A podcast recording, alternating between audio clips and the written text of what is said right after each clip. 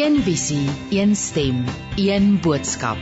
Radiokansel 657 AM en 729 Kaapse Kansel maak impak op lewens van Gauteng tot in die Kaap. En dit is DSG met ritme van genade.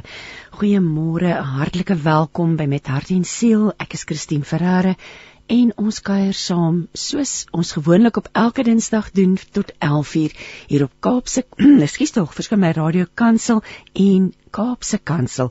En ja, vandag gaan ons gesels met psigiater en terapeut, emeritus professor aan die Universiteit van Stellenbosch, professor Willie Pinaar oor sy boek Sober, 'n praktiese gids na vryheid van verslawing. En daarna gaan professor Wenzel Koetser gesels. Ver, hy gaan verder gesels oor hierdie onderwerp en ons gaan fokus op die vernietigende impak van verslawing en hoe die pad na genesing lyk. So 'n belangrike program, 'n program wat ook hoop gaan bied. Um, en en daar's baie vrae en, en en ek ek nooi jou om saam te gesels en as jy vra het en as jy dalk 'n familielid het wat sukkel met hierdie probleem, stuur vir ons boodskappe. Ons is ons is ons is gereed om te luister. Die uh, WhatsApp nommer is 082 657 2729. En ek het dit goed gedink om Psalm 57 um te lees, sommer die eerste ag nee, ek die ja, die Psalm 55, die eerste stukkie wat sê: God, hoor my tog as ek bid. Moenie u rug vir my keer as ek u by u om hulp kom vra nie. Steek jou hand uit en help my. Dis Psalm 55 vers 2. Maar nou het ons vir professor Willie op die lyn. Goeiemôre Willie. Môre, dis die Johannes. Dit gaan baie goed. Hoe gaan dit daar? Nee, lekker, ek kan nie kla nie. Klink vir my dis koud in die Kaap op die oomblik. Dit is eintlik 'n lekker sonskyn dag. Dit was gister maar so baie lekker reën gehad die afgelope paar dae. Willie sober 'n praktiese gids na vryheid van verslawing uitgegee deur Luka Uitgewers pas op die rakke verskyn. Um wat het jou laat besluit om hierdie boek te skryf en dan wil ek vir jou vra, waar het jou belangstelling en passie vir die hulpverlening verlening aan verslaafdes vandaan gekom? Ek het genoem jy's psigiater, jy's terapeut, jy het gespesialiseer in psigiatrie, jy was dosent en en en jou doktorale tesis het gefokus op alkohol en die brein. Maar maar waar waar het hierdie die rede vir die boek dan vandaan gekom? Ehm um, soos 'n jong name my skielike aftrede, jy weet met die COVID. Uh ons het nog in ons kantore gesit daar in die mediese skool toe kondig hulle af te sê hulle almal oor 65 moet nou die gebou verlaat. En daar gaan wil die kinders en 'n klomp ander wit poppe met hulle tassies huis toe. En toe ons op die huis kom toe besef ek nou wat nou, ek is nou 70 jaar oud ek sit nou met die kennis en die klomp jare in in terapie en wat nou die besluit ek wat ek gaan die kennis en uh, ondervinding uh, in 'n boekvorm uh, neerskryf en dit is die rede uh, hoekom ek die uh, boek begin skryf het. Um, ek kan onthou toe ek gaan spesialiseer het by Stikland Hospitaal aankom in die psigiatrie toe die prof by gesê jong jy kyk na saal Neurokliniek D. Dit is die alkoholrehabilitasiesaal. En sindsdien het ek 30 jaar in die alkoholrehabilitasie uh rehabilitasiesaal gewerk en dit is my pasiënte het vir my geleer. Ja. Ek het ek het ook gesê ek het ook 'n persoonlike rede hoekom ek in, in verslawing belang gestel het. Ek het in 'n huis groot geword waar my uh, pa te veel gedrink het. Ja. Uh, so ek ek ek, ek ken daai pyn maar ek het ek het iets by my pa gebeur wat ongelooflik was. Uh dat dit hierdie ding van alkoholverslawing gebeur met God se pragtigste kinders. Ja. Dit was die volgende aanmerking wat ek wou maak om te sê dat gelowiges en soos jy reg sê God se kinders is nie hiervan gespaar nie nê want die Bybel ek daar word reeds in die Bybel na na verwys vroeg so dis jy het 'n hoofstuk wat jy noem ehm um, ek wil dit is ek is ek, ek wou eers later by daardie vraag uitkom maar ek jy jy verwys daarna en sê dit alkohol is nie vandag se kind nie nê so ja, ja. Uh, maar soos wat vir my gebeur het is dat ehm um, jy moet jy weet die woord alkoholus is 'n mooi woord. Moenie vir my sê alkoholus het 'n positiewe betekenis. Jy die mense sien meer op alkoholisme. Die mense besef nie werklik dat alkoholafhanklikheid is 'n siekte soos enige ander siekte nie. Ehm um, en en en en en, en ek wil dit so graag in my boek beklemtoon. Die siekte konsep van ja. alkohol uh, afhanklikheid. Kom ons praat 'n bietjie oor vir wie hierdie boek bedoel is. Wie het jy in gedagte gehad toe jy dit geskryf het? Ek het dit die boek geskryf. Ek het die boek geskryf vir oud en jonk. En nou gaan ek 'n ding sê wat uh, wat miskien ja, dis moeilik dat jy weet ons kinders voor die ouderdom van 12 raak daar aan alkohol verslaaf. So ek het gedog ek begin by adolessente en dan gaan dit aan. Nee, maar dit is selfs kinders, kinders wat alkohol misbruik. So ek het dit boek geskryf vir ou te jonk. Jy weet ek weet nie adolessente die boek sal lees nie. Weet dat die adolessente wat ek, ek was 'n ding wat sê hulle kan niks oorkom nie. Dit sal nie met my gebeur nie. dit is so Ja, sê dat dit is sien uh, ook vir die adolescent. Maar ek skryf dit vir ou te jonk. Ehm um, ek skryf dit ook vir jong terapeute wat nou nie toetree, uh, terapeute wat uh, te die graad van verslawing terapie wil toetree en dan veral ek skryf dit ook vir families. Die families ja. wat nie ding dra en swaar kry en stil bly en alles probeer en uh, ook vir die families om vir hulle Jy weet daar's vreeslik baie onkunde oor die ding. Daar's vreeslik baie goeie wat wat nie waar is nie. Ek wil so graag 'n die boek vir die families en vir die wat te veel drink.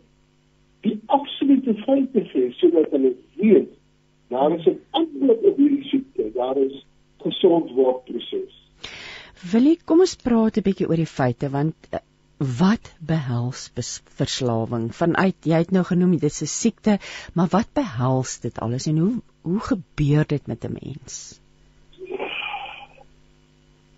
Ja um, verslawing die die eerste en ek dink die belangrikste ding wat ek wil sê wat, gehoor moet word is niemand in die wêreld het nog ooit moetswillig aan 'n dwelm verslaaf geraak.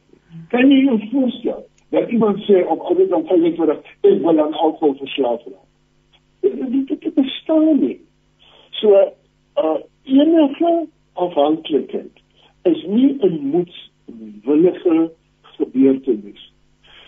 Dit gebeur as jy 'n dwelm neem. Enige dwelm of dit nou kokaine, heroïne of alkohol is, dan enige dwelm as jy hom te veel te lank te gereeld gebruik dan gaan jy afhanklik word of verslaaf word daai die die die die die die die uh, wat belangrik is is die die effek van daai dwelm die effek van alkohol uh is so belangrik is ek het geweldige kragtige stimulus dat die mense sê ek moet dit weer ervaar. Ek moet dit weer ervaar. Uh, en, en, en, en, en dit is hoekom dit gebeur met dwelms, met dobbel, met internet, met seks, met gaming. Um ek wil weer die effek van daai dwelm ervaar. En daarom en dis 'n baie sterk effek. Ja, dit dit maak mense eintlik bang nê, um, as mens so luister en hoe maklik dit eintlik gebeur. As jy sê, sê niemand kies dit nie dit gebeur onwillekeurig maar die kernwoorde te veel te lank te gereeld um, ek dink dit is dit is al klaar rooi ligte daar nê nee. kom ons jy praat ook oor afhanklikheid wat jy praat van die konsep van af, afhanklikheid en verslawing. So hoe ontwikkel afhanklikheid? Afhanklikheid ontwikkel ontwikkel stadig onskuldig slypend ja. en op die ou end vernietigend. Jy weet on, on, uit, uit my ondervinding uit dat daar is baie goeie mense wat goeie salarisse het en twee karre het en huis het. Hulle kan hierdie dwelm, hulle kan hierdie dwelm misbruik, hierdie verslawing baie lank wegsteek omdat hulle gegoed is. Uh, uh, en en en en en hulle lei verskriklike posisie. Hulle hulle dit kan voordoen met te laat voordoen met dinge soos demensie. So uh, as ons kyk hoekom verslawing ontwikkel, dan moet ons sê die brein, die brein, die menslike brein neig altyd om normaliteit te herstel. Dit wil normaal wees. So as jy kort kort geïntoksikeerd is, geïntoksikeerd is, geïntoksikeerd is, dan sê die brein ja, ek moet ek moet nou aanpas by hierdie intoksikasie. Ek moet nou aanpas by die intoksikasie. En so ontwikkel toleransie. Ek moet later meer alkohol drink om die effek te kry. En as ek nou skielik die alkohol wegvat, het die brein aangepas dan kry mens onttrekking. So dit is 'n dit is dis deel van die siekte element wat daar is duidelike patologie wat baie stadig sluipend ontstaan uh wat afhanklikheid veroorsaak. Nou so hoofstuk met die titel nie in my familie nie uh met 'n uitroepteken so en jy het vroeër ook daarna verwys alkoholafhanklikheid as 'n siekte. Ek wil by jou vra, daar's ook sekere denkfoute wat ons begaan hier omtrent, maar rondom hierdie ons steek dit eers weg. Dit is dit ek, ek dit veroorsaak sekerlik en ons weet dit doen groot probleme binne binne families, nê. Nee. Dit is so man. Jy weet elke moeder en elke vader en elke kind wil wil daar 'n mens familie moet oral wees En dit is hoekom ons dit begin het wegsteek. Hoekom ons 'n deksel daarop sit. My kinders bewaar tog die vrede. Ja. My kinders moenie laat die ander mense weet nie. En en en en wat so hartseer is in die geval is dat maar die families en die ma's en die pa's het nou al alles probeer. Hulle het nou al hulle het nou al gesoek. Hulle was nou al by die dokter. Hulle het nou al gehuil, hulle was nou al kwaad, hulle het al geput. Hulle was al by rehabilitasie, hulle het gedreig. Hulle het alles probeer, maar dit maak nie. En daarom word dit deksel daarop gesit, die mense moet tog nie weet nie. En ek is so bewus daarvan dat in in hierdie pragtige land van my is daar enorme hoeveelhede families wat in nood verkeer, wat stil swyn, swaar kry. Daar stikkende kinders. Daar is hoeveel huwelike wat tot nik is. Daar is hoeveel kinders wat in in intoksikasie op die pad sterf. En dat daar baie baie aangaande hartseer en verliese is. Maar ons moet tog, ons moet tog die siekte wegsteek. Uh, uh ons ons moet dit nie vir die wêreld wys nie. En daarom het ek al hierdie denkfoute in die boek probeer wat dit hoef nie so te wees nie. Ehm uh, daar is 'n weg tot gesond wees. En en ag laat my toe om 'n storie te vertel van die kartonbeelsman. Daar in Nederland die die alkohol rehabilitasie in die Stikland Hospitaal en dan in die 80er jare was daar 'n man ehm uh, wat in die ses weke rehabilitasieprogram was en hy het onder 'n brug met 'n kondoos gebly. En hy die ses weke is hy skoon en ons het elke donderdag aand met ons opvolggroep. En elke donderdag aand is die man daar. En hy sê en hy sê en daar sou veel ja van ligte wees nog altyd onder die brug in die kondoos Vra hom wat wat hoe kry jy dit reg? Toe sê hy vir my, "Jy, jy dokter, jy het net dag in 'n groep gesê, ek is te gereed om te drink." Ek is te gereed om te drink. Pragtig. Ek kry trane in my oë. Daai man is reus. Hy's reus. Ja. Hy het dit reg gekry. So ek wil vir vir mense sê en families sê en vir mense wat alkohol misbruik, is dit gereed om te drink. Jy kan gesond maak. Ja. En dit is baie belangrik.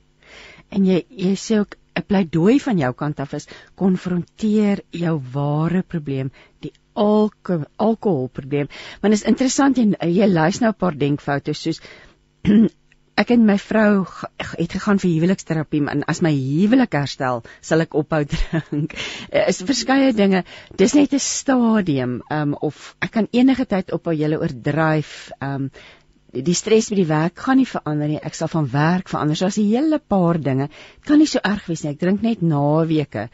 Ek is alraai, ek kan huis toe bestuur. Klomp dinge, 'n klomp dinge wat gesê word. Um jy en jy verwys ook hierna as vee dit onder die mat in siekte. So joh, moet maar die belangrikste plek om te begin is is moet die familie praat. Hoe ons ons ons wil graag praat oor hoe die familie dit moet hanteer, maar begin dit nie maar by die persoon self nie. Ehm um, abs absoluut. Jy weet wat belangrik is dat ons nie wat ons nie weet nie is dat as jy vir iemand wat alkohol afhanklik is vra, jongen jy 'n probleem. As jy sê nee, jy het 'n probleem nie. Ek het nie net tyd ophou. Ek is alright, ek drink net daarmee. Maar wat ons moet weet dat daardie persoon binnekant hom, binnekant binnekant binnekant sy brein, binnekant sy boskap weet hy ek is in die moeilikheid. Ek is in die moeilikheid. Ek staan gister weer opgestaan met 'n babbelas.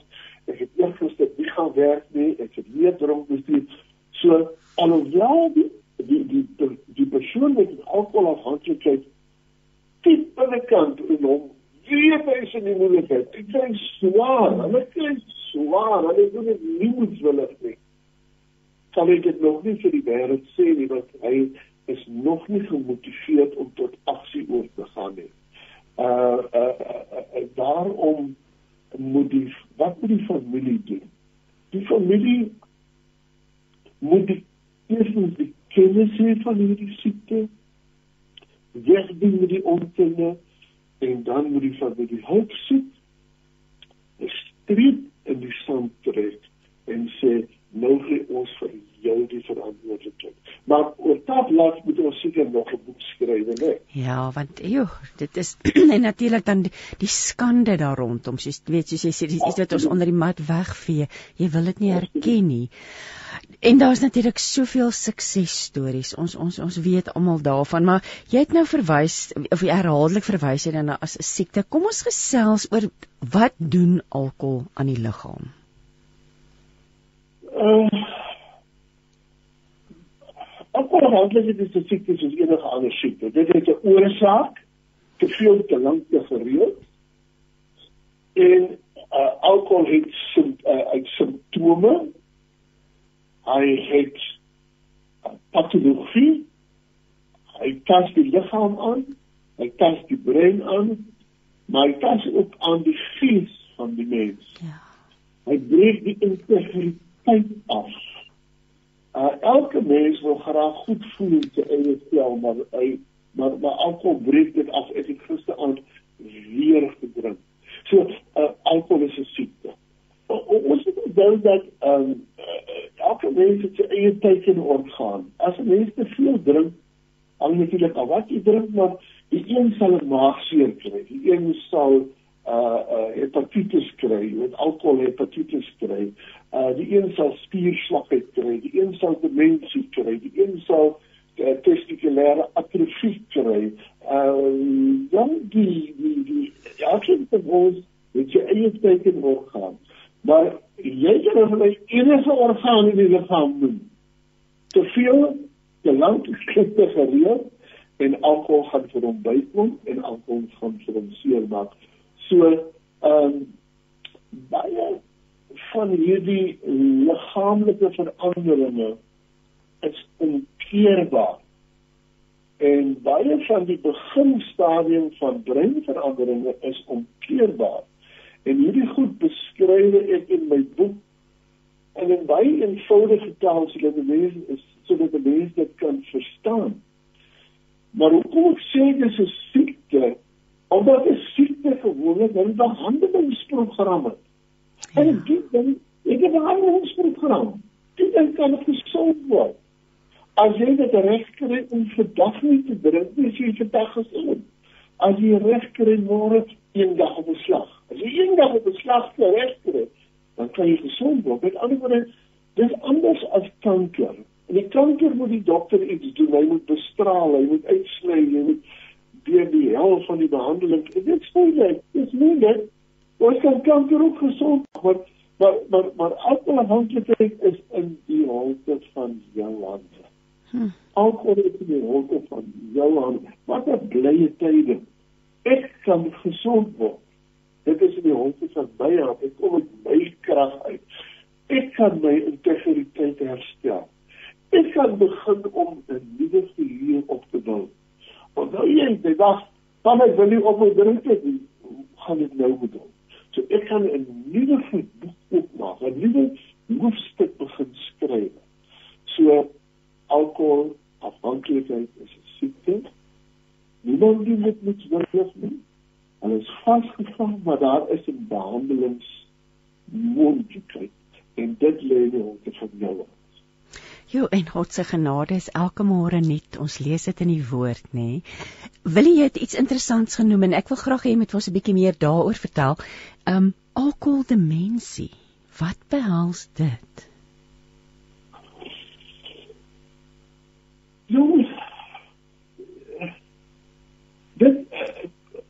maar is subtiele breinveranderinge wat afhanklikheid onderskryf soos byvoorbeeld dat die beloningsareas word onderdruk dat jy toleransie opbou en dat jy ontreffing kry. Maar dis nie die mense nie. Die mense is 'n baie baie laat later stadium. Dis 'n laaste stadium. Dit is wanneer die breinselle die neurone begin afbreek. Voor dit voor dit is jy afhanklik maar daar's nie neuron of breinsel verlies nie.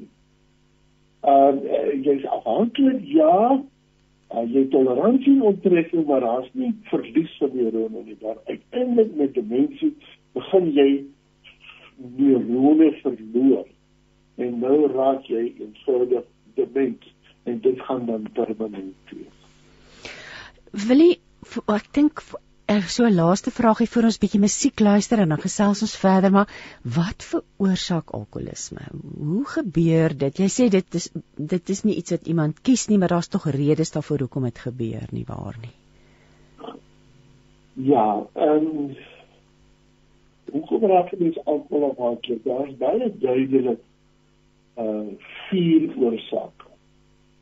As van alkohol afhanklik die eerste oorsaak is baie baie duidelik eh uh, dat alkohol is 'n dwelm.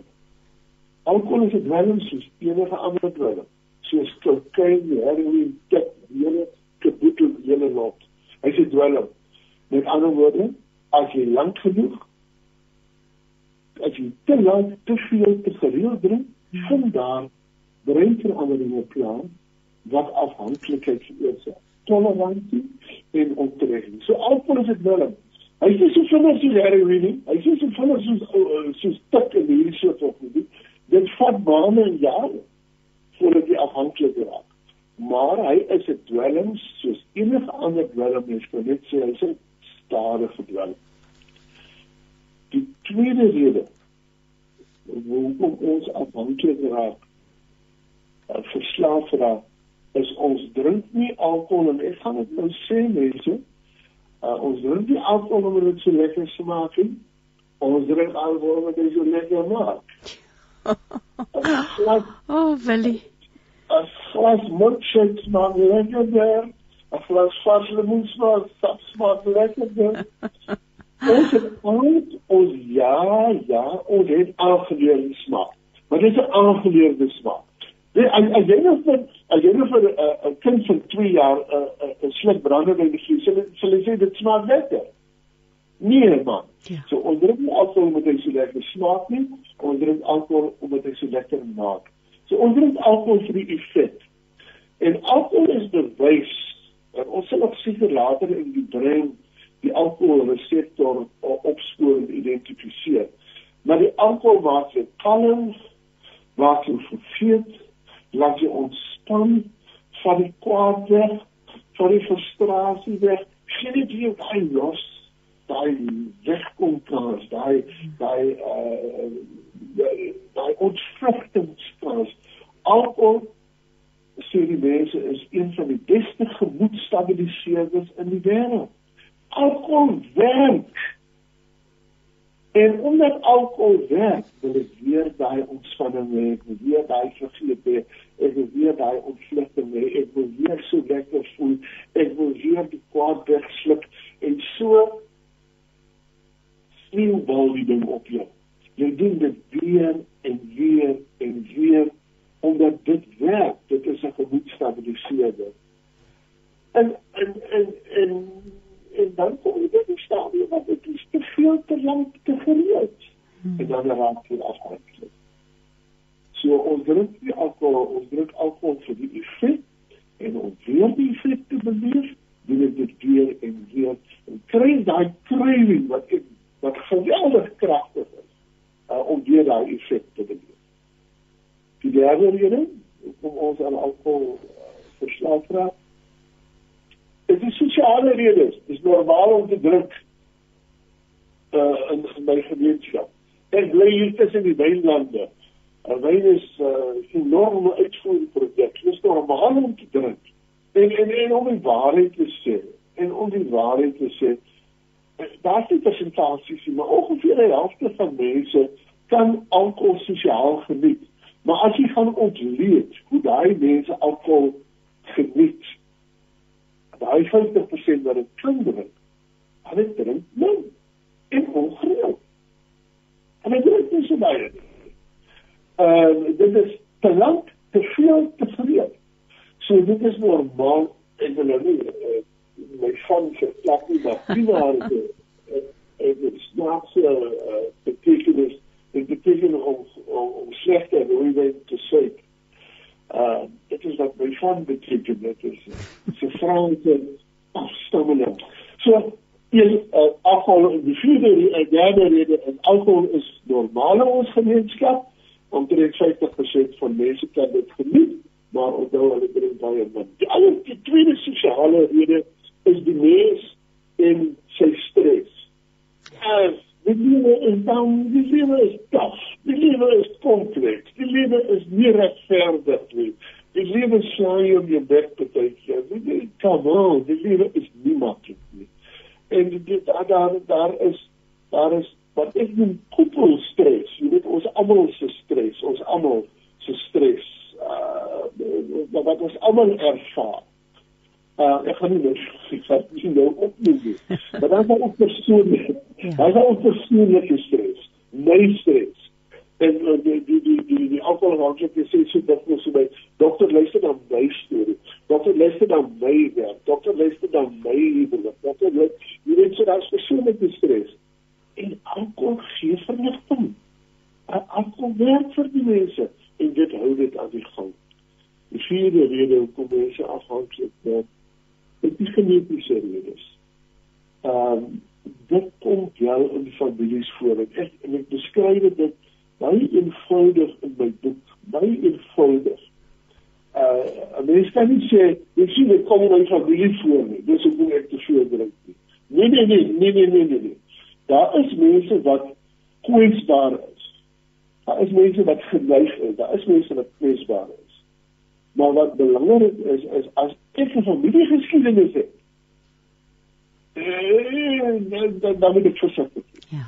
Dan dan moet ek weet ek moet versigtig wees. En die ding waarvoor jy moet oplet is as jy ooit in jou lewe agterkom dat jy kan meer drink as ander mense. Die die ander die ander mannetjies is al dronk en hulle sit al op die grond en dan sal ek nog ek van die ander huis as jy as jy agterkom dat jy meer drink as iemand anders. Uh dan ek die waarskynlike vir die geskiedenis dat dit baie baie versigtig is. Maar dit is die vier redes. En en dit dit te verstaan dat mense verstaan dat niemand met willig aan alkohol verslaaf raak nie.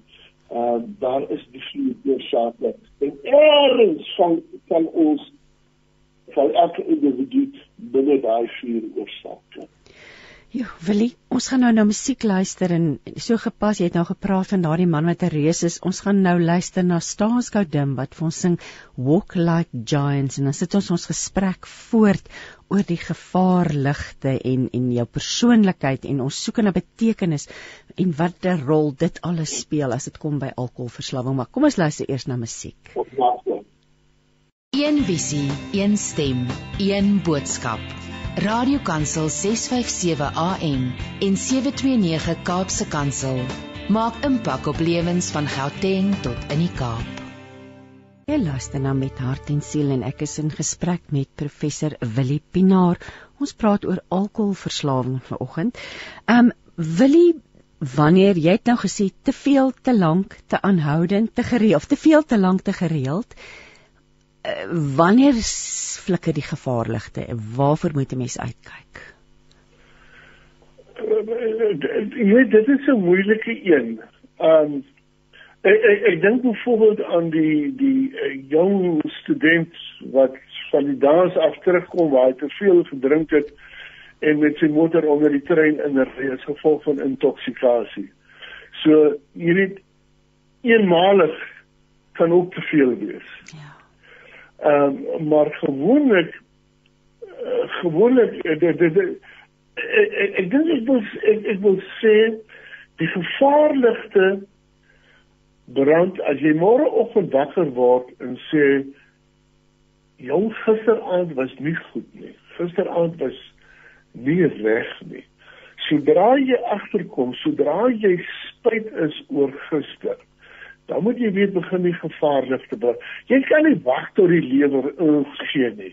Jy kan nie wag tot jou brein ingee nie. Jy kan nie wag tot jy huwelik ingee nie. So ehm um, uh daar is in die boekie beskryf ek ook die die cage uh vragies wat baie eenvoudig is en cage die C staan vir have you ever tried to cut down? Het jy ooit weer om minute te doen? The R stands for Have you ever been angry at people telling you you drink too much?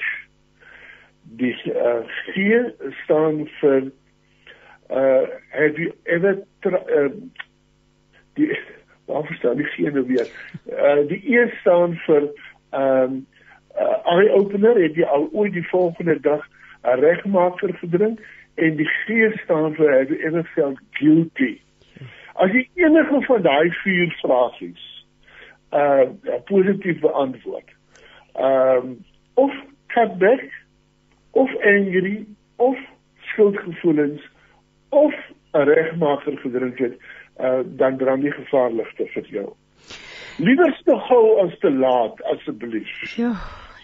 Want dit is jou boodskap deurentyd hierdie boek dat jy kan verander. Jy kan gesond word, jy kan op die regte pad en dat 'n sober lewe soveel beter is as 'n lewe van intoksikasie. Ek wil nou vir jou vra, jy het vroeër genoem dis net so ontstellend dat kinders van so jonk as 12 al alkohol gereeld misbruik. Watter rol kan ouers speel om ons kinders op die regte pad te hou? Ja. Ehm um, my boodskap aan ouers en mense kan lees daaroor as hulle dit 'n bietjie ehm um, navors. Ehm um, wat 'n soort ouer moet 'n mens wees? 1. Uh jy moet 'n voorbeeld stel vir jou kinders. Jy moet 'n voorbeeld stel vir jou kinders. Jy laat nie kinders vir jou uh drankie ingooi nie. Jy moet 'n voorbeeld stel uh vir jou kinders. 2. 'n goeie ouer moet dissipline kan handhaaf to be kind but firm wees lief vir julle kinders druk hulle teen julle vas maar wees ferm met jou dissipline. Uh kind but firm. En dan wil ek baie graag vir ouers vra, sou julle asseblief 'n bietjie lees oor alkohol, 'n bietjie lees oor dwelms en die feite dat jy kan saampraat met jou kinders. Jy kan nie vir jou kind sê jong dag gaan jy nou mal maak nie. Daai kind ken 20 kinders wat dag gaan rook en nie een van hulle is uh dit dit dit psigiatriese steurings opgetel nie. Kennis kennis ouers praat met hulle kinders omdat hulle uh, ek wil nie beskuldigend klink nie, ek wil nie hoe klink nie. Ehm um, want ek is self skuldig. Maar asseblief mense, ons kan nie met ons kinders redeneer. Hulle is bitter slim. Uh hulle sê die adolessente is die beste uh, advokate in die wêreld. ons kan nie as ons nie as ons nie die kennis het nie. So wees 'n voorbeeld. Be kind but firm, streng, maar druk hulle teen julle vas en asseblief doen die kennis op. Dan wil ek vir jou vra want ek glo daar's baie mense wat luister en en en, en moedeloos voel oor wat in hulle omgewing, hulle gesinslewe aangaan. Hoe motiveer jy iemand om hulle self van verslawing te bevry? Dit is 'n proses. Uh dit is 'n uh, en dit is 'n moeilike proses. En dit is baie keer 'n langsame 'n langsame proses. Want 'n mens moet die persoon motiveer eerstens om die probleme te herken. Gis hierdie hierdie hierdie oggend is as gevolg van gisteraand se uh se drinkery. Hierdie babbelas. Hier, ek het weer dronk. Ja, ek wil dit herken deur die verliese en die pyn wat intoksikasie veroorsaak. So ek wil dit herken. Maar wat sê hulle vir die wêreld? Ek het geen probleme, ek kan dit handle. Dan moet hy dan moet jy hom motiveer nadat hy dit nou herken het. Ek is dit nie moeilikheid moet hy dit erken vir die wêreld vir sy gesin sê ek erken ek het 'n alkoholprobleem. En die grootste, die grootste dag in 'n alkoholafhanklike se lewe, die grootste dag in 'n alkoholafhanklike se lewe is daai dag wat hy sy knieë val en sê ek is magteloos teenoor alkohol. Ek is magteloos. Jy weet daar is 'n sê dan ek kan dit nie onmiddellik in Afrikaans vertaal nie. It is real to be limited to be limited is to be real. Almal van ons het krake. Almal van ons het foute. Almal van ons het swakhede. It is real to be limited to be limited is to be real. Ons is mense. Daarom moet ons nou tot aksie oorgaan en verantwoordelikheid neem vir ons lewe. So dis herken dan erken vir die wêreld dan aksie oorgaan. Dan moet ek hierdie aksie follow. Want die eerste 2 maande is so honeymoon. Ah, ek het dit maklik reg gekry. Maar dan moet ek volhou. Uh erkenning wees van ek is magteloos en dan moet ons weet hoe om terugvalle te hanteer. Nou dit kan 'n mens kry deur deur terapeute, opgeleide terapeute, goeie terapeute op die gebied, maar is sulke. Maar nie baie nie. Dit is moeilik om by die mense uit te kom. Maar daar daar is terapeute wat kan mense motiveer tot soberheid. Maar wie wat? Wie wat? Wie wat? Ek wil amper sê, maar suster, hoor nie Mense wil net nie ons moet luister en ons moet genoeg guts hê en energie om te om op jou knieë te val en sê Here ek is magteloos teenoor alkohol. Gee vir my die krag om tot aksie oor te gaan. En uh motivering is 'n proses dit vind nie oornag plaas nie dit vat tyd dit vat soms lank Baie mense wat betref in die praktyk, ek 'n huisdokter was daar in die platteland, dan sê jy vir 'n man, jou jou lewer funksies lyk nie lekker nie, jy drink te veel. Dan moet jy op moet drink. Maar soms is 'n motivering 'n baie moeilike pad om te stap, want mense moet aanhou en aanhou. Die mense doen dit nie moedwillig nie en hulle wil geld wees. Maar ons moet vir hulle ek wil ek wil die storie van die treintjie vertel. As 'n treintjie Ek ek weet nie waar ek daar kom nie. Dit is 'n ou resitasie of 'n rypie, ek weet nie wat nie, maar dit ek het dit so dikwels gebruik in terapie. Dis 'n treintjie wat die bult uitsukkel. Hy sukkel die berg uit, hy sukkel die berg uit. Hy's bang vir die berg en hy sê choeke pakke, choeke pakke, choeke pakke, ek dink ek kan. Choeke pakke, ek dink ek kan. Choeke pakke, ek dink ek kan. Deur die treintjie die berg uit en as hy so by die kruin van die berg kry, dan roep hy uit ek kan, ek kan, ek kan. Hmm. En, en, en dit is die boodskap wat ek vergee wil gee vir elke mens wat se dag swaar kry met elke ek dink jy kan soeke passe soeke passe ek dink jy kan hierdie ding oorwin hmm. Want jy sê soberheid is moeilik maar moontlik. Ek dink jy kan reg deur die boek motiveer jy ook Willie dat daar is die heeltyd gedagtes om mense aan te spoor om om om om om dit ja om verlos te word daarvan hè. En jy noem dit ook 'n praktiese gids na vryheid van verslawing. Debbie vra gaan dit beskikbaar wees die gesprek as potgooi? Ja, dit gaan en dit sal op Radio Kansel se webwerf wees onder potgoeie onder met hart en siel seker so binne die volgende paar dae. Ons ons wag net vir die tegniese span om ons hiermee te help, maar Debbie dit sal. Ek wil net die naam van die boek herhaal ter wille van ons luisteraars wat dalk net nou ingeskakel het of pas ingeskakel het. Die boek is sober is geskryf deur professor Willie Pinaar, 'n praktiese gids na vryheid van verslawing. Willie, oh, ek ek is so dankbaar dat jy hierdie boek geskryf het en ek dink van daar's nie baie boeke op die rak in Afrikaans met 'n Christelike benadering oor oor hierdie oor hierdie situasie of oor hierdie hierdie siekte toestand soos wat jy dit noem nie. So mag mag die Here hierdie boek seën en en mag dit baie genesing bring vir baie mense of genesing bring vir vele vele gesinne en en mense wat sukkel. Laaste gedagtes van jou kant af. Die laaste gedagte van my kant is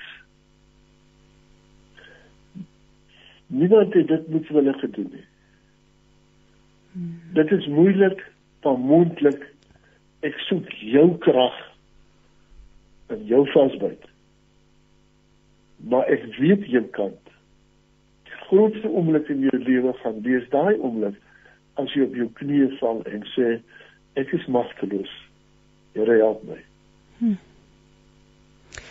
Amen daarop. Jy baie baie dankie vir jou tyd vanoggend. Ehm um, daar ek wil graag net noem aan ons luisteraars daar is vanaand om 7 'n webinar Ehm um, uh, as jy gaan kyk op Leeftuiskip se Facebookblad is daar 'n skakel. Ek gaan verder met met Willie gesels oor hierdie onderwerp vanaand. Ehm um, so gaan kyk gerus op Leef se Facebookblad. Dit is alles daar. Maar kom ons luister. Willie, ek wil tot sien sê en, en ons gaan na musiek luister nou. So ons kan luister na Marika wat gepas vir ons sing. Hy is in beheer. Een visie, een stem, een boodskap. Radiokansel 657 AM en 729 Kaapse Kansel maak impak op lewens van Gauteng tot in die Kaap. Jy luister na met hart en siel en soos beloof gesels ons nou met professor Wenzel Koetser al die pad van uh, Potchefstroom. Wenzel is 'n gereelde gas op ons program en en en Hy het 'n passie vir pastorale berading om mense te help um, en en en hy het ook 'n boek geskryf met die titel Verslawing as 'n verwoester. Die die impak van 'n lewensverhaal, pastorale riglyne. Môre wensel Goeiemôre Christine, baie dankie vir die voorreg om weer te gesels. Wensel kan al die uh, luisteraars. Dit is ons voorreg om na jou te luister vir oggend en en ons het nou af met Prof Willie Pinaar van Stellenbosch uh se is 'n is 'n universiteit gesels oor oor verslawing, maar ek wil graag die gesprek verder neem. Dis so 'n belangrike gesprek om te hê en iets wat ons eintlik maklik onder die mat invee en nie oor praat nie. Ek wil met jou sommer wegspring met die met die vraag verslawing as 'n ontvlugting van ons stres en angs. Ons leef in moeilike tye, ons weet dit almal. Daar's nuwe nuwe faktore, nuwe dinge wat soveel stres by ons veroorsaak. hoe 'n groot rol speel stres en angs as dit kom by verslawing? Ja, uh, Christine, kom ek sê vinnig die die kursus wat ek saamgestel het uh, veral gebaseer op uh, mediese dokter Dr. Gabor Matai wat 'n boek geskryf het In the Realm of Hungry Ghosts. Hy is nou vir baie jare betrokke op die strate van Vancouver in Kanada met die behandeling van verslaafdes uh hele inrigting wat hulle daar het, hulle akkommodeer die ouens ook en hy het aangrypende verhale. Hy het basies vir die boek het hy met talle, talle van hulle persoonlike onderhoude gevoer. Meeste van hulle was is was of is sy pasiënte en vir elkeen gevra vertel my jou verhaal, jou verhaal van hmm. kinderjare af. En uh hy hy sê byvoorbeeld dis 'n dis 'n lyn wat dwars deur die boek vleg a hurt is at the center of all addictive sure. behaviors daar is pyn daar's pyn daaronder en ons moet by daai pyn uitkom. Hy vertel hulle dit byvoorbeeld die boek uh, sommige beraders het die boek beskikbaar gestel aan uh, gevangenes en tronke wat gevang is vir uh, dwelmmisbruik. Uh en een man het byvoorbeeld gesê uh soos hy deur die boek gelees het, het hy sy eie verhaal gekry. Hy sê jou boek het my in staat gestel om die oorsake van my verslawing presies te identifiseer. Ek kan nou die vraag beantwoord wat familie en vriende my dekades lank gevra het, naamlik waarom? Ja. En hierdie is so so belangrik. Jy weet ons kyk vanuit 'n uh, ons eie perspektief. Ons is gesond, dan kyk ons na iemand wat alles verloor as gevolg van 'n dwelmprobleem. En uh dan sê ons maar hoe kan jy uh, logies dink en sulke besluite neem? En ons kan nie. Hy sê ons kan nie vir so 'n persoon dit sê want ons brein uh is nie aangetast soos daai man se brein sedert kinderjare se trauma en verwerping en pyn nie. Nou hy hy beskryf uh, die dwelm byvoorbeeld as 'n emosionele narkose die pyn wat te oorweldigend geraak het. En daarom bring dit daarom lei dit tot ontvlugting. Ek gryp na die film dis 'n korttermyn ontvlugting. Hy sê dis 'n teenvoeter vir vreesagtige gevoel van leegheid. Daar's 'n leegheid hier binne. Dis 'n opkikker teen uitputting, verveeldheid, alleenheid en gevoelens van persoonlike mislukking en dis ook 'n ontlading van stres dit dit vat dit baie mooi saam. Hoekom hoekom sê ons dis 'n ontvlugting van stres want dit beantwoord al hierdie behoeftes op die kort termyn.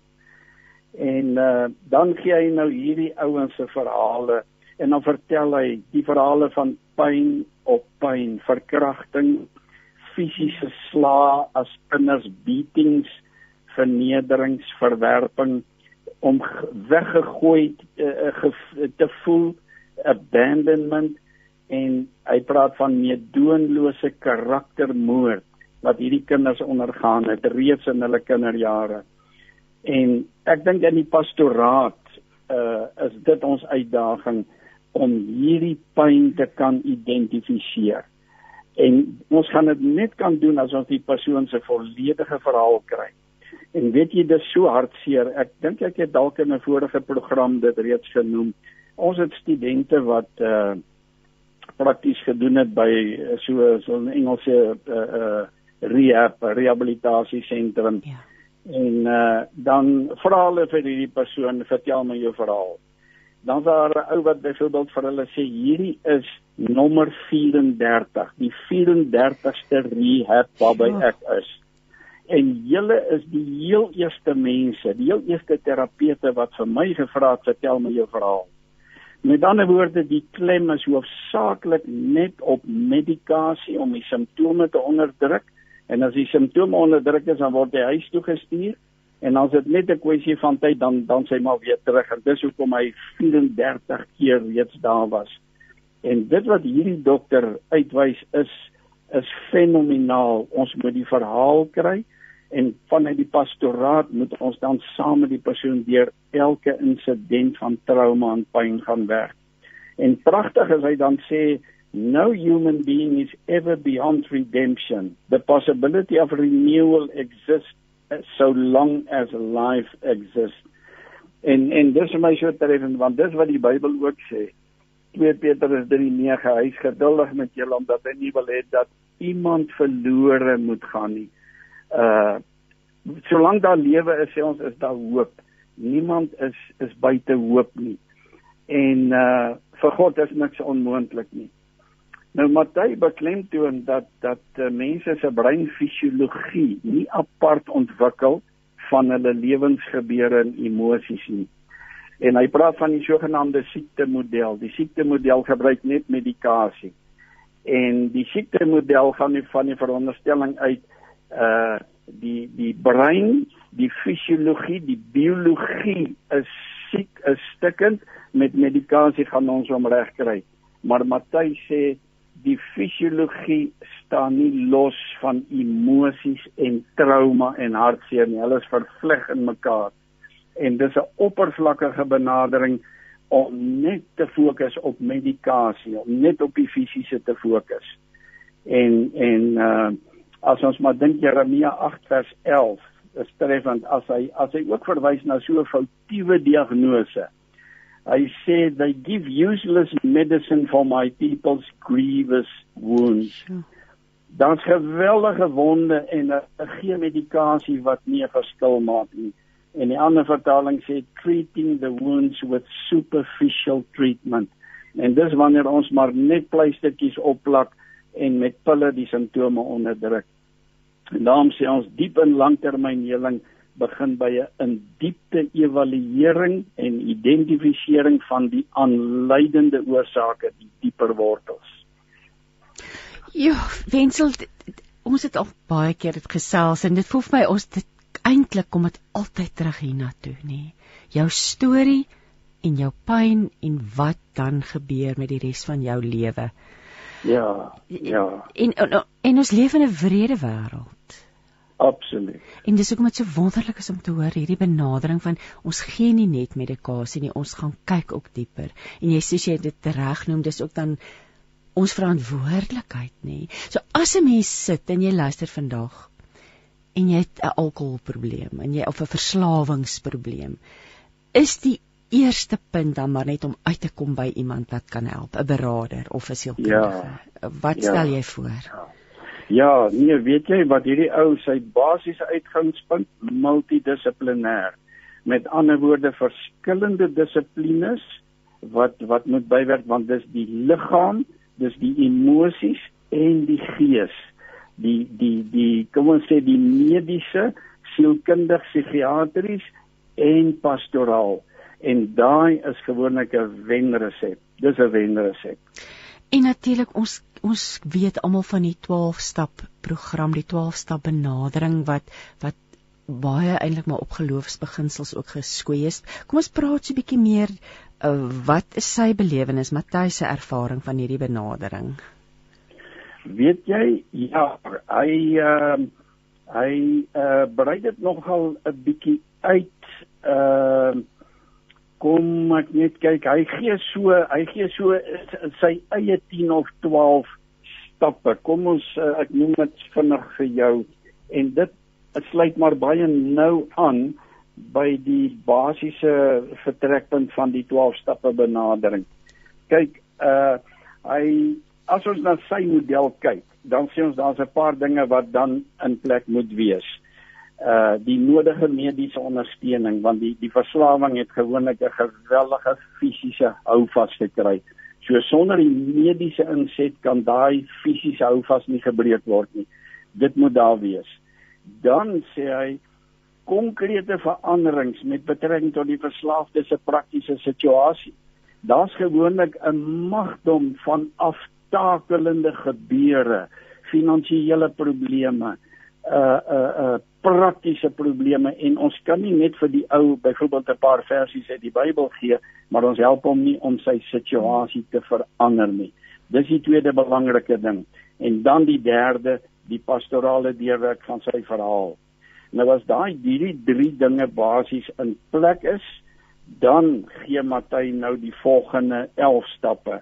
Hy sê mediese dokters, beraders, sielkundiges, onderwysers, prokureurs, regters, almal wat by wetstoepassing betrokke is, moet opleiding ontvang in opsigte van wat trauma doen aan mense en wat emosionele verwonding doen aan mense en en dat hierdie proses al vroeg begin baie keer reeds in die moederskoot waar die ma deur trauma gegaan het.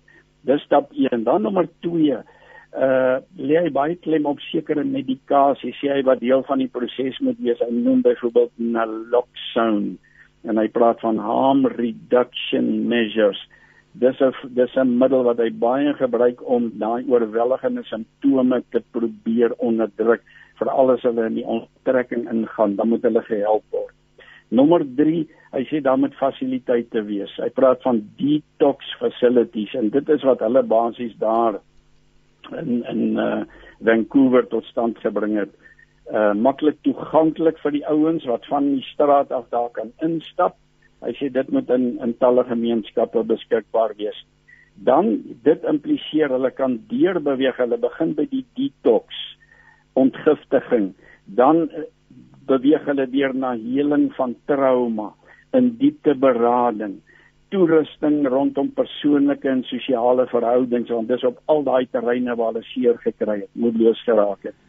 Die volgende een onderrig ten opsigte van selfsorg, insluitende voeding en sorg vir die liggaam. Hy sê daai ouens wat hulle op die straat opgetel het vir jare soms geen higieniese reëls nagekom nie, hulle liggame totaal verwaarloos, nou moet hulle onderrig word rondom dit.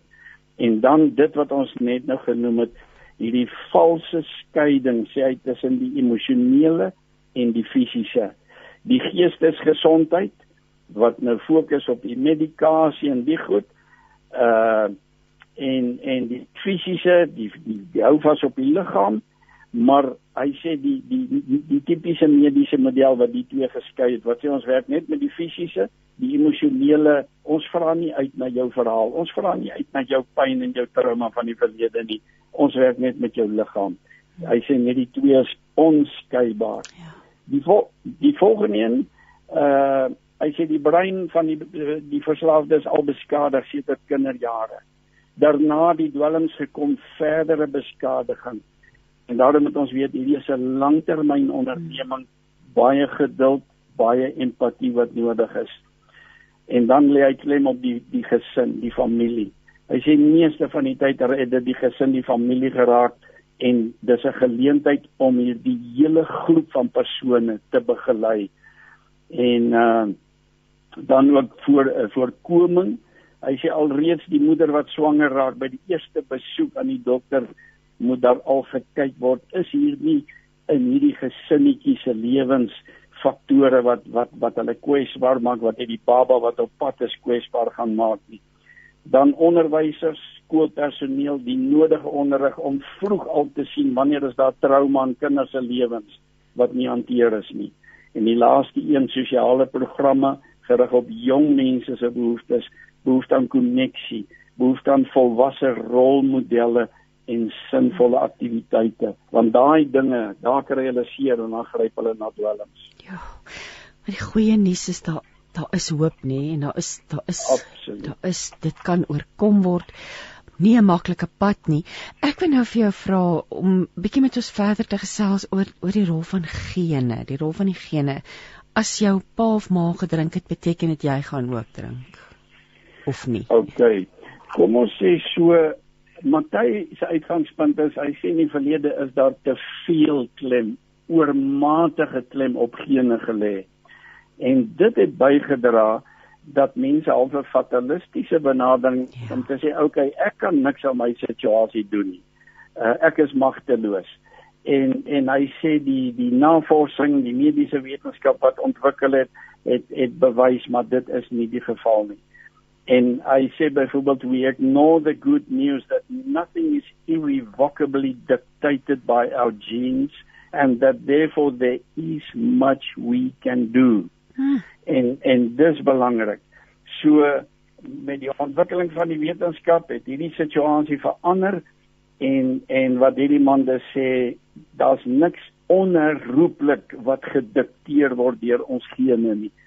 Nou nou so dit dit aan die een kant, maar dan aan die ander kant moet my 'n paar belangrike dinge byvoorbeeld uh die die pakkie emosionele bagasie wat ons van ons ouers en grootouers ontvang het Hy noem byvoorbeeld uh, tipies die die die stres en angs by die verwagtende moeder wat uh uh as daai stres en angs en as daar traumas, as daar hartseer is, dan dan uh dan het dit 'n invloed op daardie fetus, op die baba in die moederskoot.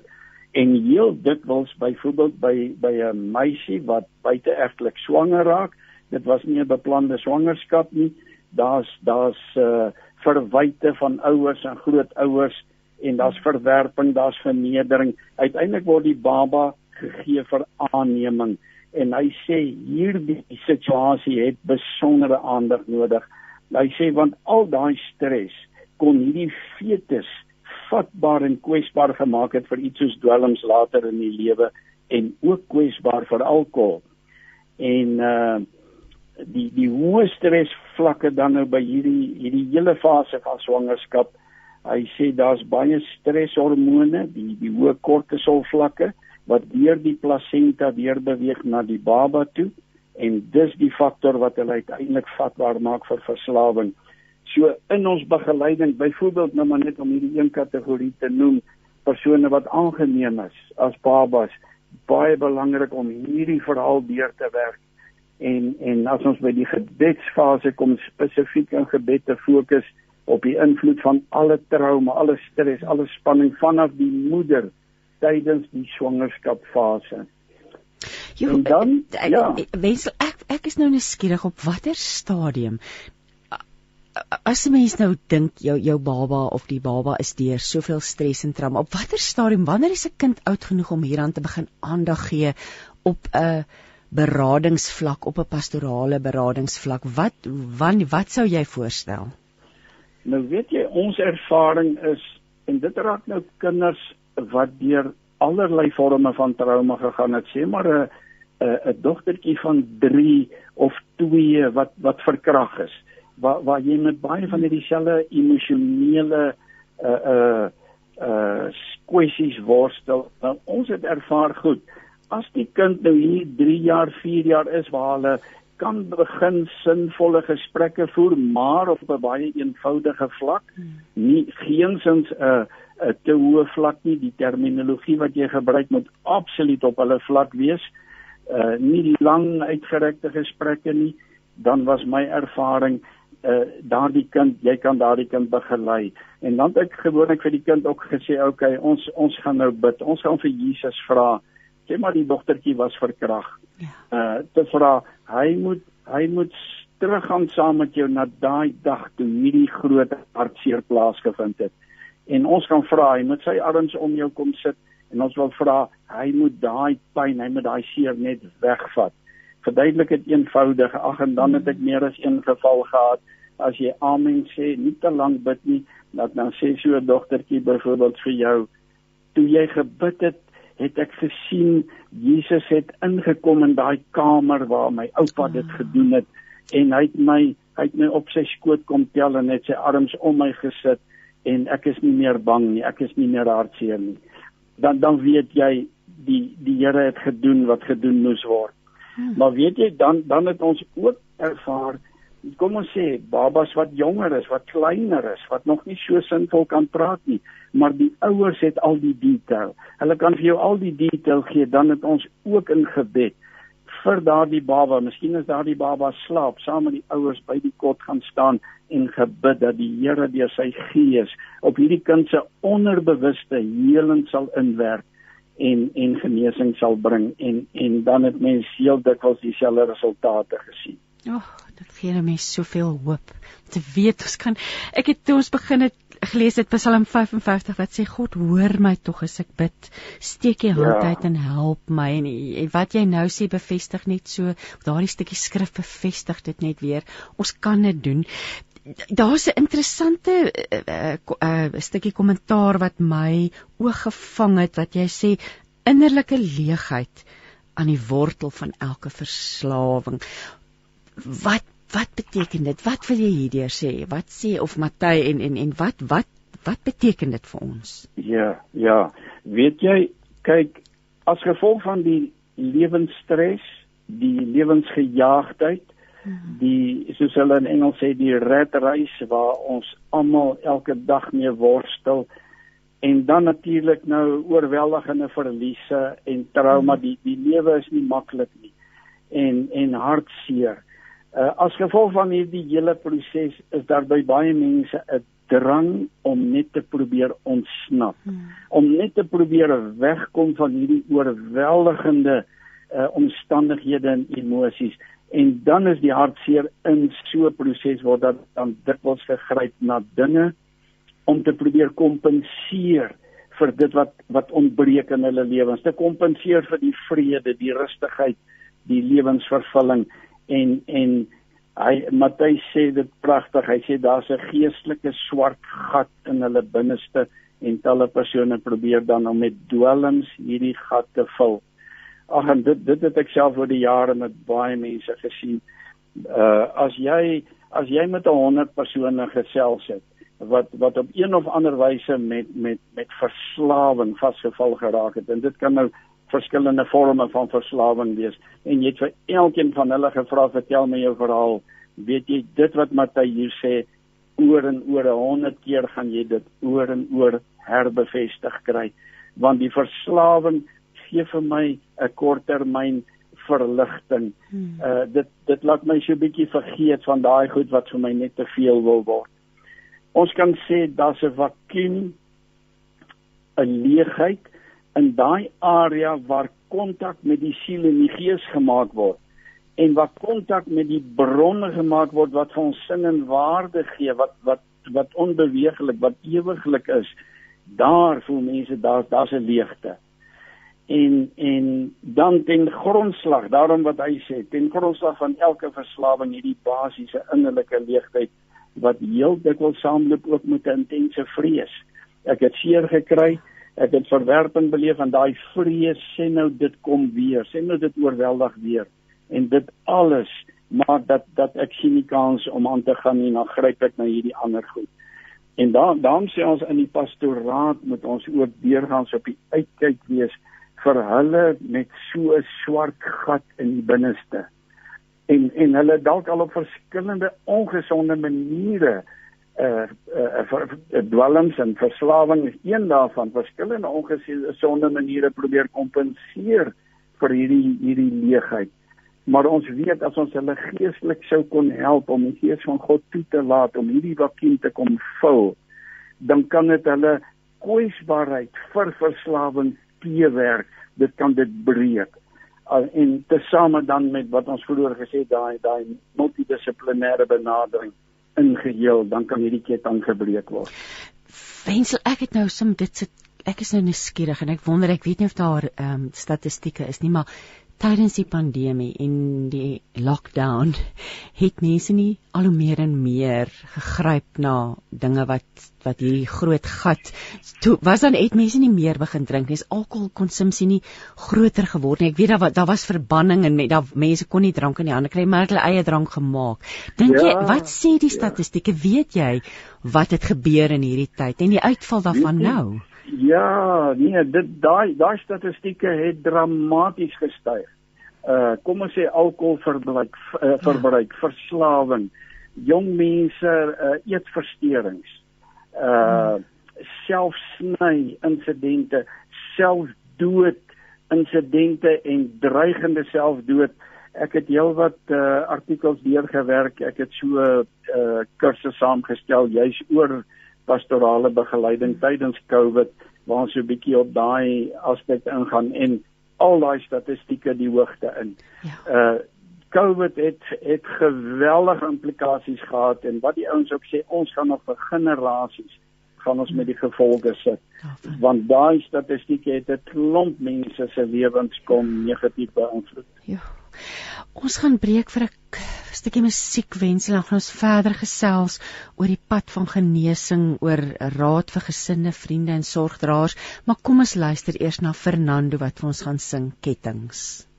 Een visie, een stem, een boodskap. Radiokansel 657 AM en 729 Kaapse Kansel maak impak op lewens van Gauteng tot in die Kaap.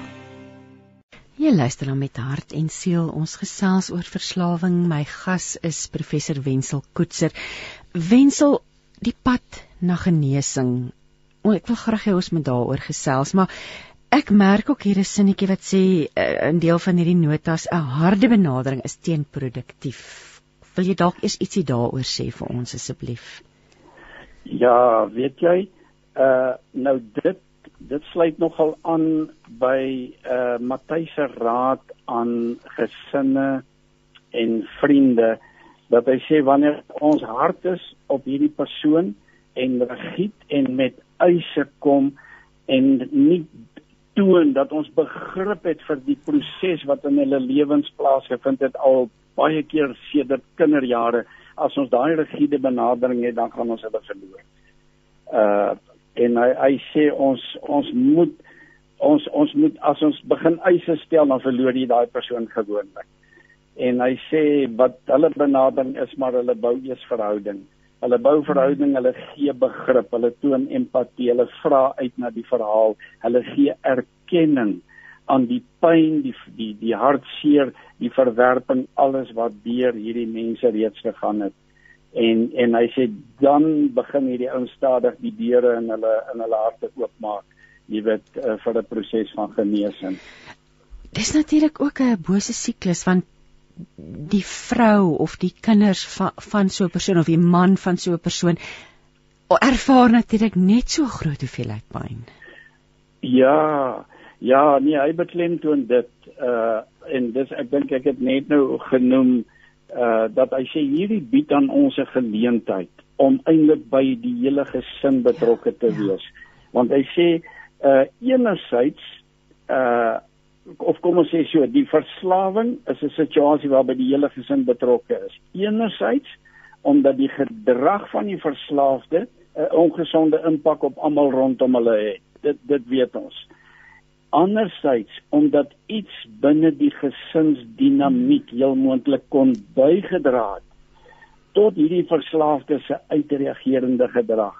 En daarom is gesinsterapie eintlik maar altyd nodig. Uh en ek het dit ook maar gevind oor die jare. Dit dis die ideale geleentheid om die hele gesin in te trek want elkeen sit in minder of meerder mate met pyn en dan gaan dit sinvol wees om om aanvanklik eers apart met elke individu deur hulle verhaal te werk. En deur hulle pyn te werk te sien wat se trauma en krisisse was daar in hulle lewe. En dan dit help vir jou om uiteindelik die groter prentjie van die gesin as geheel te kry. En nadat jy met elkeen apart gewerk het dan kan jy as die hele gesin gesamentlik hanteer en dan sien jy waar het wie seer gekry, wie moet vir wie om vergifnis vra, dan kan daar begin heling kom. Maar om net daai individu dan uh, jy weet na rehabilitasie te stuur hmm. en en hy kry net 'n klomp medikasie en hy word teruggestuur dan dis dis dis maar net 'n proses wat weer en weer gaan herhaal. Ja, maar dit is ontsettende belangrike inligting wat jy nou met ons deel dat dat dat gaan wie maar terug by die pyn gaan ondersoek die pyn en en en breek die siklus, breek die ketting soos Fernando nou vir ons gesing het. Ja. Kom ons ja. Kom ons praat 'n bietjie oor eh, want Matthey het 'n vyf stap benadering want ons wil praat oor genesing, die pad na genesing. Ja, wat ja. Eh, wat stel hy voor? Wat wat hoe watter proses volg hy? Nou kom ek sê uh, dit wat ons reeds genoem het, moet dan outomaties in plek wees uh, waar hierdie persoon hulp gaan kry, dan moet mediese insette wees, sielkundige insette en dan pastorale insette. Hmm die die mense in totaliteit moet dus aandag kry.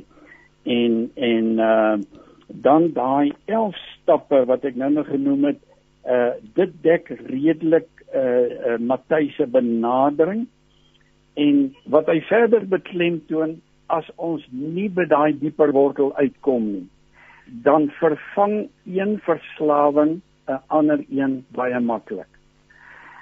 Hy sê verslawing bied aan die persoon 'n biochemiese substituut vir aspekte soos liefde, koneksie, uh lewenskrag, vitaliteit en vreugde en ons kan hierdie lysie nog langer maak. Hy sê dit ontbreek. Dis daai leeg gat. En nou die die die die die verslawende middel wat hy gebruik dit gee vir hom so ietsie terug van hierdie dinge. En nou kom ek en ek drink aan. En ek sê vir my kind, uh hoorie stop hierdie verslawing. Uh en ek gee vir hom 'n preek van hoe hoe hoe dit sy liggaam uh affekteer.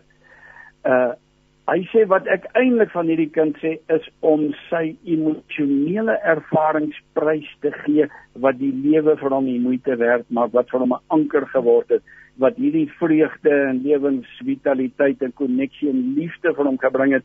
Ek dring aan hy moet dit prys gee. En dis alwaar hy vashou dis al wat sy kop bo water hou. En dan die belangrikheid ons moet alternatiewe ons moet in ruil daarvoor moet ons alternatiewe kan gee wat dit vir hulle die moeite werd maak om om daai slegte ankerprys te gee. Want andersins kan dit lei tot selfdood dat hierdie persoon net sê maar as hy dit moet prys gee is daar niks om voor te lewe nie. En uh daarom sê hy okay partykeer gee hulle hierdie sê maar dis 'n dwelm 'n uh, uh, pil wat hulle gebruik gee dit prys. En as dit net 'n kwessie van tyd dan dan s hulle oor op 'n ander verslawing. hmm een een vertel byvoorbeeld toe hy opgehou het om te drink het hy begin eet. En daar's baie sulke voorbeelde. Dan begin hulle eet. Geweldige gewig aangesit. Dit gaan oor 'n eetversteuring. Want nou gebruik ek kos om hierdie pyn hier binne hierdie gat hier binne te vul. Hy sê dat hierdie man het ook vir hom gesê ja ander een het gesê toe hy ophou drink ja het hy begin eet. Hy het ook gesê dat hy met minder liefde en verdraagsaamheid teenoor sy kinders begin optree toe hy gedrink het want diep onder is daar pyn. Ja. En solank daai pyn nie hanteer is nie, outomaties kry dit 'n substituut. As ek hierdie verslawing prys gee, outomaties 'n substituut uh kom kom 'n ander een want die verslawing dien as 'n sneller van dopamien in die brein. En hy sê die die dopamien is wat hulle praat van die goedvoel chemikalie wanneer ek pyn het, wanneer ek wanneer ek donkerte en moedeloosheid ervaar as die dopamien vlakke kan kan styg, dan kom daar lewe, dan kom daar lig, dan kom daar vreugde. En dis dis die dis die biologiese stimulus wat hierdie verslawing vir hierdie mense bied. Nou interessant in die in die Meyer klinieke, een van die heel eerste stappe in hulle proses is om vas te stel hoeveel verslawings is in hierdie persoon se lewe.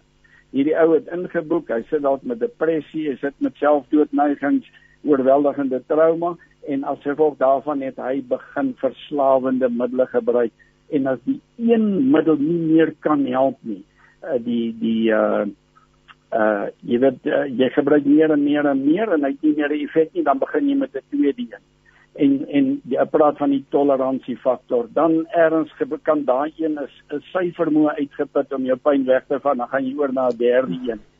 So hulle wil eers vasstel hoeveel verslawings is daar dat die verslawing se impak gebreek kan word en dan volg die res van die stappe. Matthys sê hulle het byvoorbeeld ook opgemerk dat persone wat hulle self oormatig vergryp aan kos, binge eating, uh wanneer hulle ophou rook het dan uh, wat ook 'n verslawing is, dan gryp hulle kos want die dieper wortel is nie hanteer nie. Een persoon het byvoorbeeld beskryf hoe sy kos het vir haar 'n vorm van harm reduction geword. Hm. En 'n ander een wat uh, uiteindelik met die hulp van alkoholiste anoniem kon afstand doen van drank het gesê dat haar werklike behoeftes wat sy met behulp van alkohol probeer aanspreek het was die volgende: binding attachment.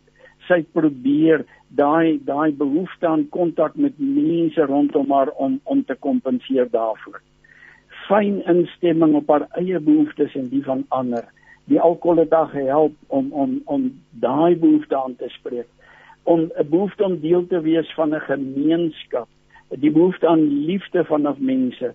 Die behoefte om liefde te kan gee die behoefte om vreugde te kan ervaar en haarself te kan wees. Sy sê alkohol het haar gehelp met al hierdie behoeftes, maar teen 'n prys, teen 'n prys. Ja. En daarom hy moet gebreek word. Hy moet gebreek word.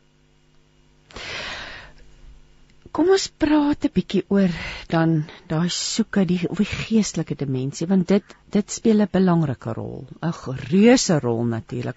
So kom ons praat 'n bietjie daaroor. Ja, ja. Weet jy wat Matthys sê en weer eens die praktyk wys dit so oor en oor verslawing kry momentum. Hy kry 'n houvas, 'n sterk houvas daar waar mense nie verstaan wat in hulle eie lewens, hulle eie binneste aan die gebeur is, hoekom hulle doen wat hulle doen nie.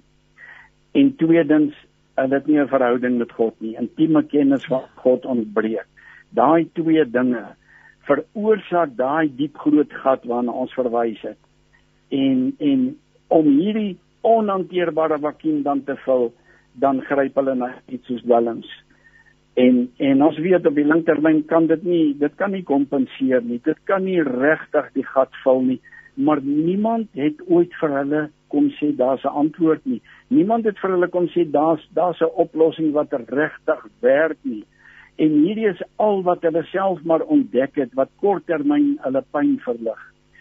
En en nou in die pastoraat sien ons dit al stelle mense wat wat met hierdie gat en en en en hierdie vakuum in die binneste worstel en herhaaldelik word dit gereflekteer in hulle verhale van pyn en desperaatheid.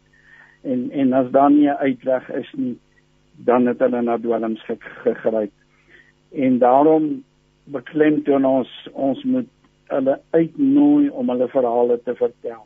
Dan dan gaan die groter prentjie al meer duideliker word en en saam met die Heilige Gees dan deur hierdie verhale te werk want dis uiteindelik die enigste wyse waarop daai daai donker gat, daai leegte op die langtermyn gevul kan word. En hulle nie elke keer weer moet moet teruggryp na na iets uh, kunsmatig nie. Ons weet die die kerkvader Augustinus het so mooi gesê daar's 'n godgegewe vakuum in elke hmm. mens se binneste en slegs Jesus Christus kan dit vul. En daarom sê ons tesame nou met die ander insette, die multidissiplinêre benadering, ook dan nou hierdie pastorale benadering, mense te help om om God te ontdek en sy liefde en sy omgee. Dis dis dis 'n deurslaggewende oplossing. En uh daar in Psalm 107 vers 14 en 16, die Passion vertaling stel dit so mooi, his light broke through the darkness and he led us out in freedom from death's dark shadow and snapped every one of our chains. Hmm. Op hierdie hierdie verslawing vang 'n ou vas. Jy's jy's in 'n tronk self vasgekeer en daar's kettinge om jou hande en voete. En met jou eie kan jy nie daar loskom nie en en Christus kom. Die Here kom, hy breek daai kettinge. En dan vers 16 for he smashed through heavy prison doors and shattered the steel bars that held us back just to set us free. Eyster deure met met eyster uh uh stawe wat die deure gegrendel het en en en God kom en hy breek dit oop en hy maak mense vry. Ag, amen daar. Ag, Matthys, hy vertel 'n uh, baie treffende voorbeeld. Uh, hy noem heelwat heelwat praktiese voorbeelde en dis so insiggewend want uit uit praktiese voorbeelde leer mense so baie hy verwys na hierdie man Remy klomp jare in die tronk as gevolg van dwelmmisbruik en toe hy nou die gesprek gehad het Remy was ook daar in hulle inrigting in 'n kamer gebly verslaaf aan heroïne hy het toe vir Matthys op 'n dag gesê daar's iets waaroor hy met hom wil praat en hy vertel toe dat hy 10 jaar van tevore iemand met 'n mes doodgesteek het hy sê in daai stadium kokain gebruik baie gedrink en hy sê dit was basies 'n nagmerrie wat maar net gewag het om te gebeur. Hmm. En daai dag uh, toe hy onder die dwelmse invloed was, toe het daai nagmerrie gebeur en die ander man is dood. Daarna 10 jaar tronk toe. Dit alles sê Remy self as gevolg van dwelms. En hy sê sedert daai dag van daai man se dood het hy elke dag daarmee geworstel.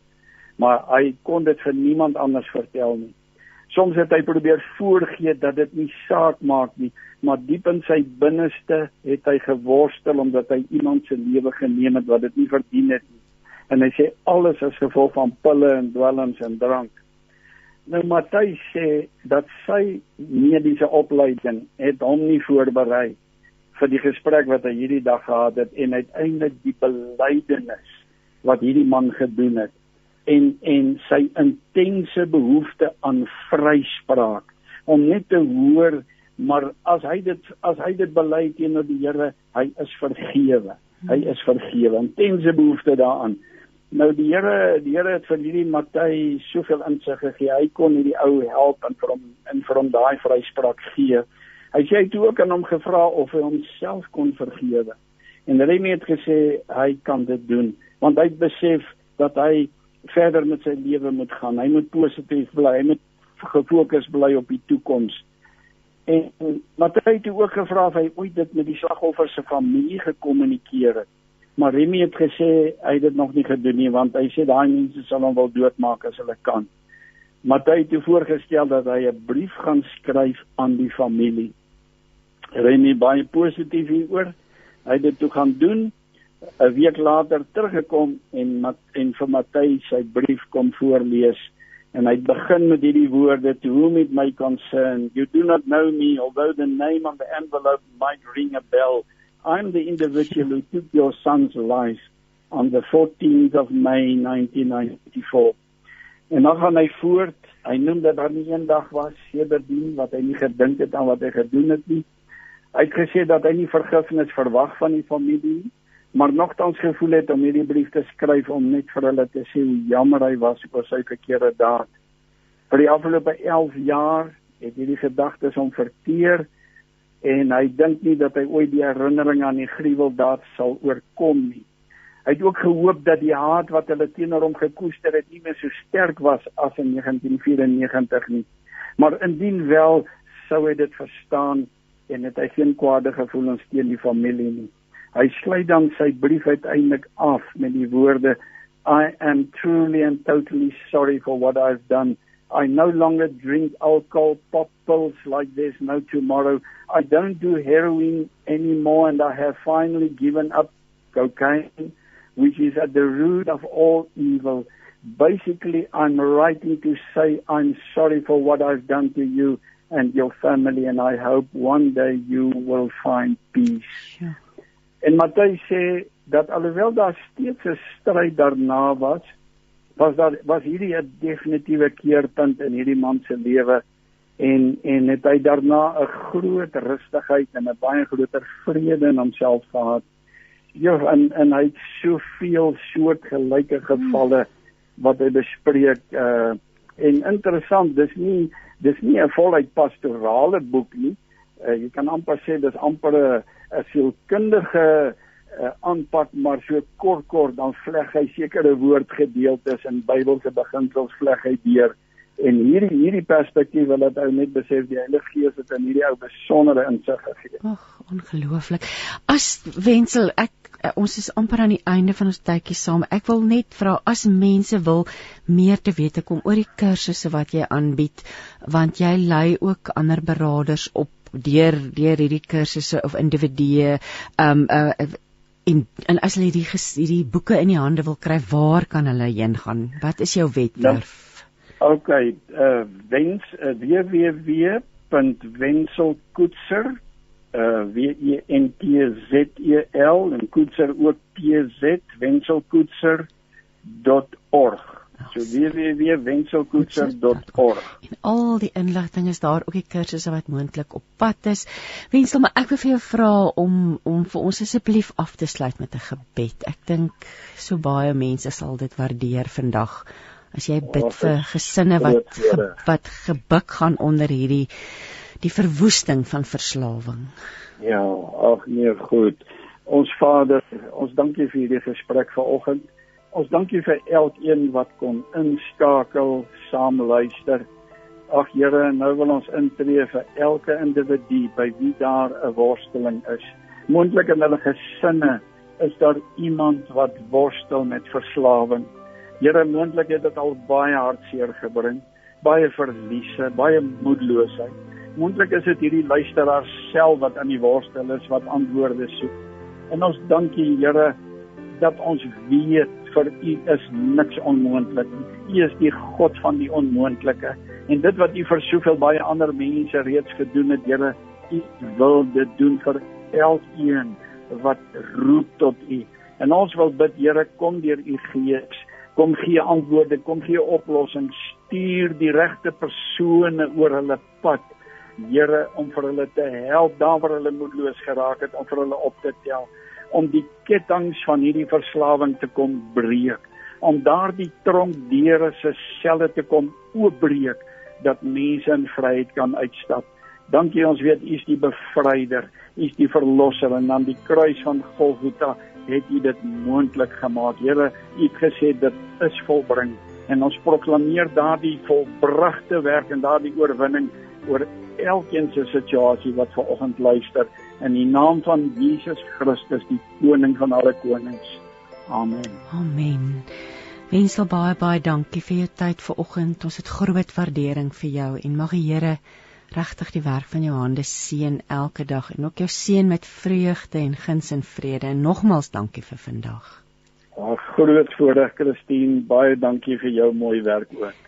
Dit is ook 'n plesier wensel. Kom ons eh, dit het ons het aan die einde van ons program gekom. Ons gaan afsluit met 'n stilte tyd meditasie deur uh, Melanie Vosloo, maar hier's nou eers iemand wat weer vra asseblief oor die name van die boeke. Ek gaan dit sommer antwoord op die WhatsApp S wat wat daarvoor vra, maar kom ons luister na Melanie Vosloo. Dankie vir hom manne en ek groet tot volgende week. Totsiens. Een visie, een stem, een boodskap. Radiokansel 657 AM en 729 Kaapse Kansel maak impak op lewens van Gauteng tot in die Kaap. Welkom by vandag se stil word. Ek wil jou weer uitnooi om regtig tyd te maak om eenkant te gaan sit, jou foon af te sit, by 'n plek te wees waar niemand jou kan pla nie en dan net rustig en stadig asemhaal. Ja, asem diep in En dan elke keer wanneer jy lank en stadig uitasem, gee jy alles wat nou op jou hart is vir God. Asem in en beleef hoe sy lig in jou vloei. Asem uit en gee alles wat op hierdie oomblik in jou gedagtes en jou emosies is. Maar net in afhanklikheid en vertroue oor aan die God wat jou ken, jou liefhet jou verstaan en jou met groot deernis elke dag van sy lewe vashou.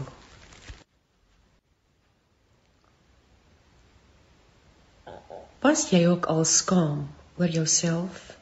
Het jy ook al gewens dat jy jou woorde kon terugtrek, die horlosie kon terugdraai sodat jy jou verkeerd doen anders kon doen? Ja, was jy ook al moedeloos oor jou probeer om die regte dinge te doen, maar dan jou val daarin Ek was baie keer. Een so keer bid ek. Here, U ken my. U ken elke gedagte nog voor ek dit gedink het. Elke woord wat uit my mond kom, het U lankal gehoor. En die effek van my dade sien U ligjare vooruit. U weet ook Here dat ek regtig hard probeer om die regte dinge te doen en te sê, om U pad te loop, U weg te volg. Ja, U ken my intensies.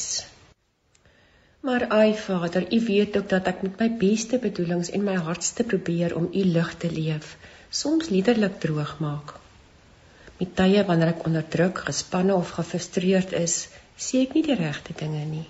En tree ek nie so op dat U lig deur my skyn nie. Nee Here, dan maak my woorde en my dade seer, kwaad of ontstel ek mense. En dan wanneer ek later rustig raak, my eie emosies tot bedaring kom, Here, dan voel ek soos 'n hond. Dan as ek skaam vir myself en dan wens ek ek kan in staat wees om dinge anders te hanteer. Vergewe my asseblief my onbeholpenheid. Vergewe dat ek soms net my klein wêreldjie raak sien, dinge vanuit my perspektief benader en soms ook in my eie belang optree. Here, vandag pleit ek soos 'n tollenaar, wie is my arme sondaar? genadig. Maar Vader, sal U asseblief meer doen as dit? Sal U ook aan my die wysheid en insig gee om te weet hoe om wanneer ek droog gemaak het reg te maak? Hoe om U vergifnis en liefde weer te gaan uitdeel? Ek sukkel om soos U te wees. Wees asseblief in my en leef deur my stukkende mens wees. Ja, Here skyn deur die gekraakte mens wat ek is sodat ander ondanks en ten spyte van myself iets van u kan sien. Amen. Henry Nouwen het gesê, "Our life is full of brokenness, broken relationships, broken promises, broken expectations." How can we live with that brokenness without being bitter and resentful, except by returning again and again to God's faithful presence in our lives? God kan enigiets doen. En gelukkig kan hy deur die krake in ons lewe skyn. Kom ek en jy probeer maar net weer om vanuit sy genade te leef onsself en ander vanuit daardie genade te vergewe en weer te probeer. Genade kan immers van hierdie wêreld 'n beter plek maak. Ja, wanneer ek en jy maar net elke dag van vooraf probeer om God se genade aan te gee, dan kan ons hierdie wêreld tog al is ons gebroke positief verander. Ek bid jou toe 'n vredevolle dag waarin jy God se genade sal indrink en dit eenvoudig sal gaan aangee. Tot volgende week. Een visie, een stem, een boodskap. Radiokansel 657 AM en 729 Kaapse Kansel maak impak op lewens van Gauteng tot in die Kaap.